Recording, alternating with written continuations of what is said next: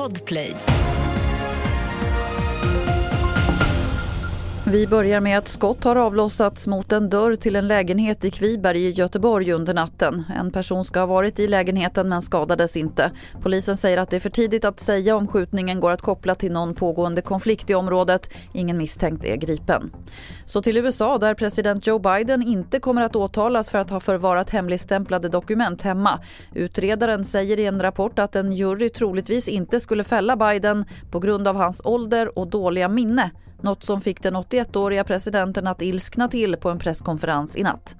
I'm well meaning and I'm an elderly man and I know what the hell I'm doing. I've been president. I put this country back on its feet. I don't need his recommendation. It's How totally bad out. is your memory? And can you continue as president? My memory is so bad I let you speak. I natt släpptes den amerikanska högerprofilen Tucker Carlsons två timmar långa intervju med Putin. Intervjun har fått skarp kritik och Carlson anklagas för att ha agerat språkrör åt Putin. I intervjun la Putin stor vikt åt att rättfärdiga varför han tycker att Ukraina tillhör Ryssland. Fler nyheter finns på tv4.se. Jag heter Lotta Wall.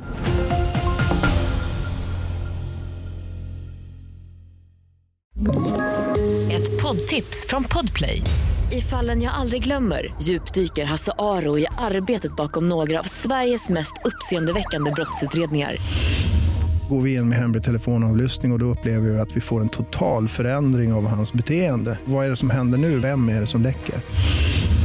Och så säger han att jag är kriminell, jag har varit kriminell i hela mitt liv men att mörda ett barn, där går min gräns. Nya säsongen av Fallen jag aldrig glömmer på Podplay.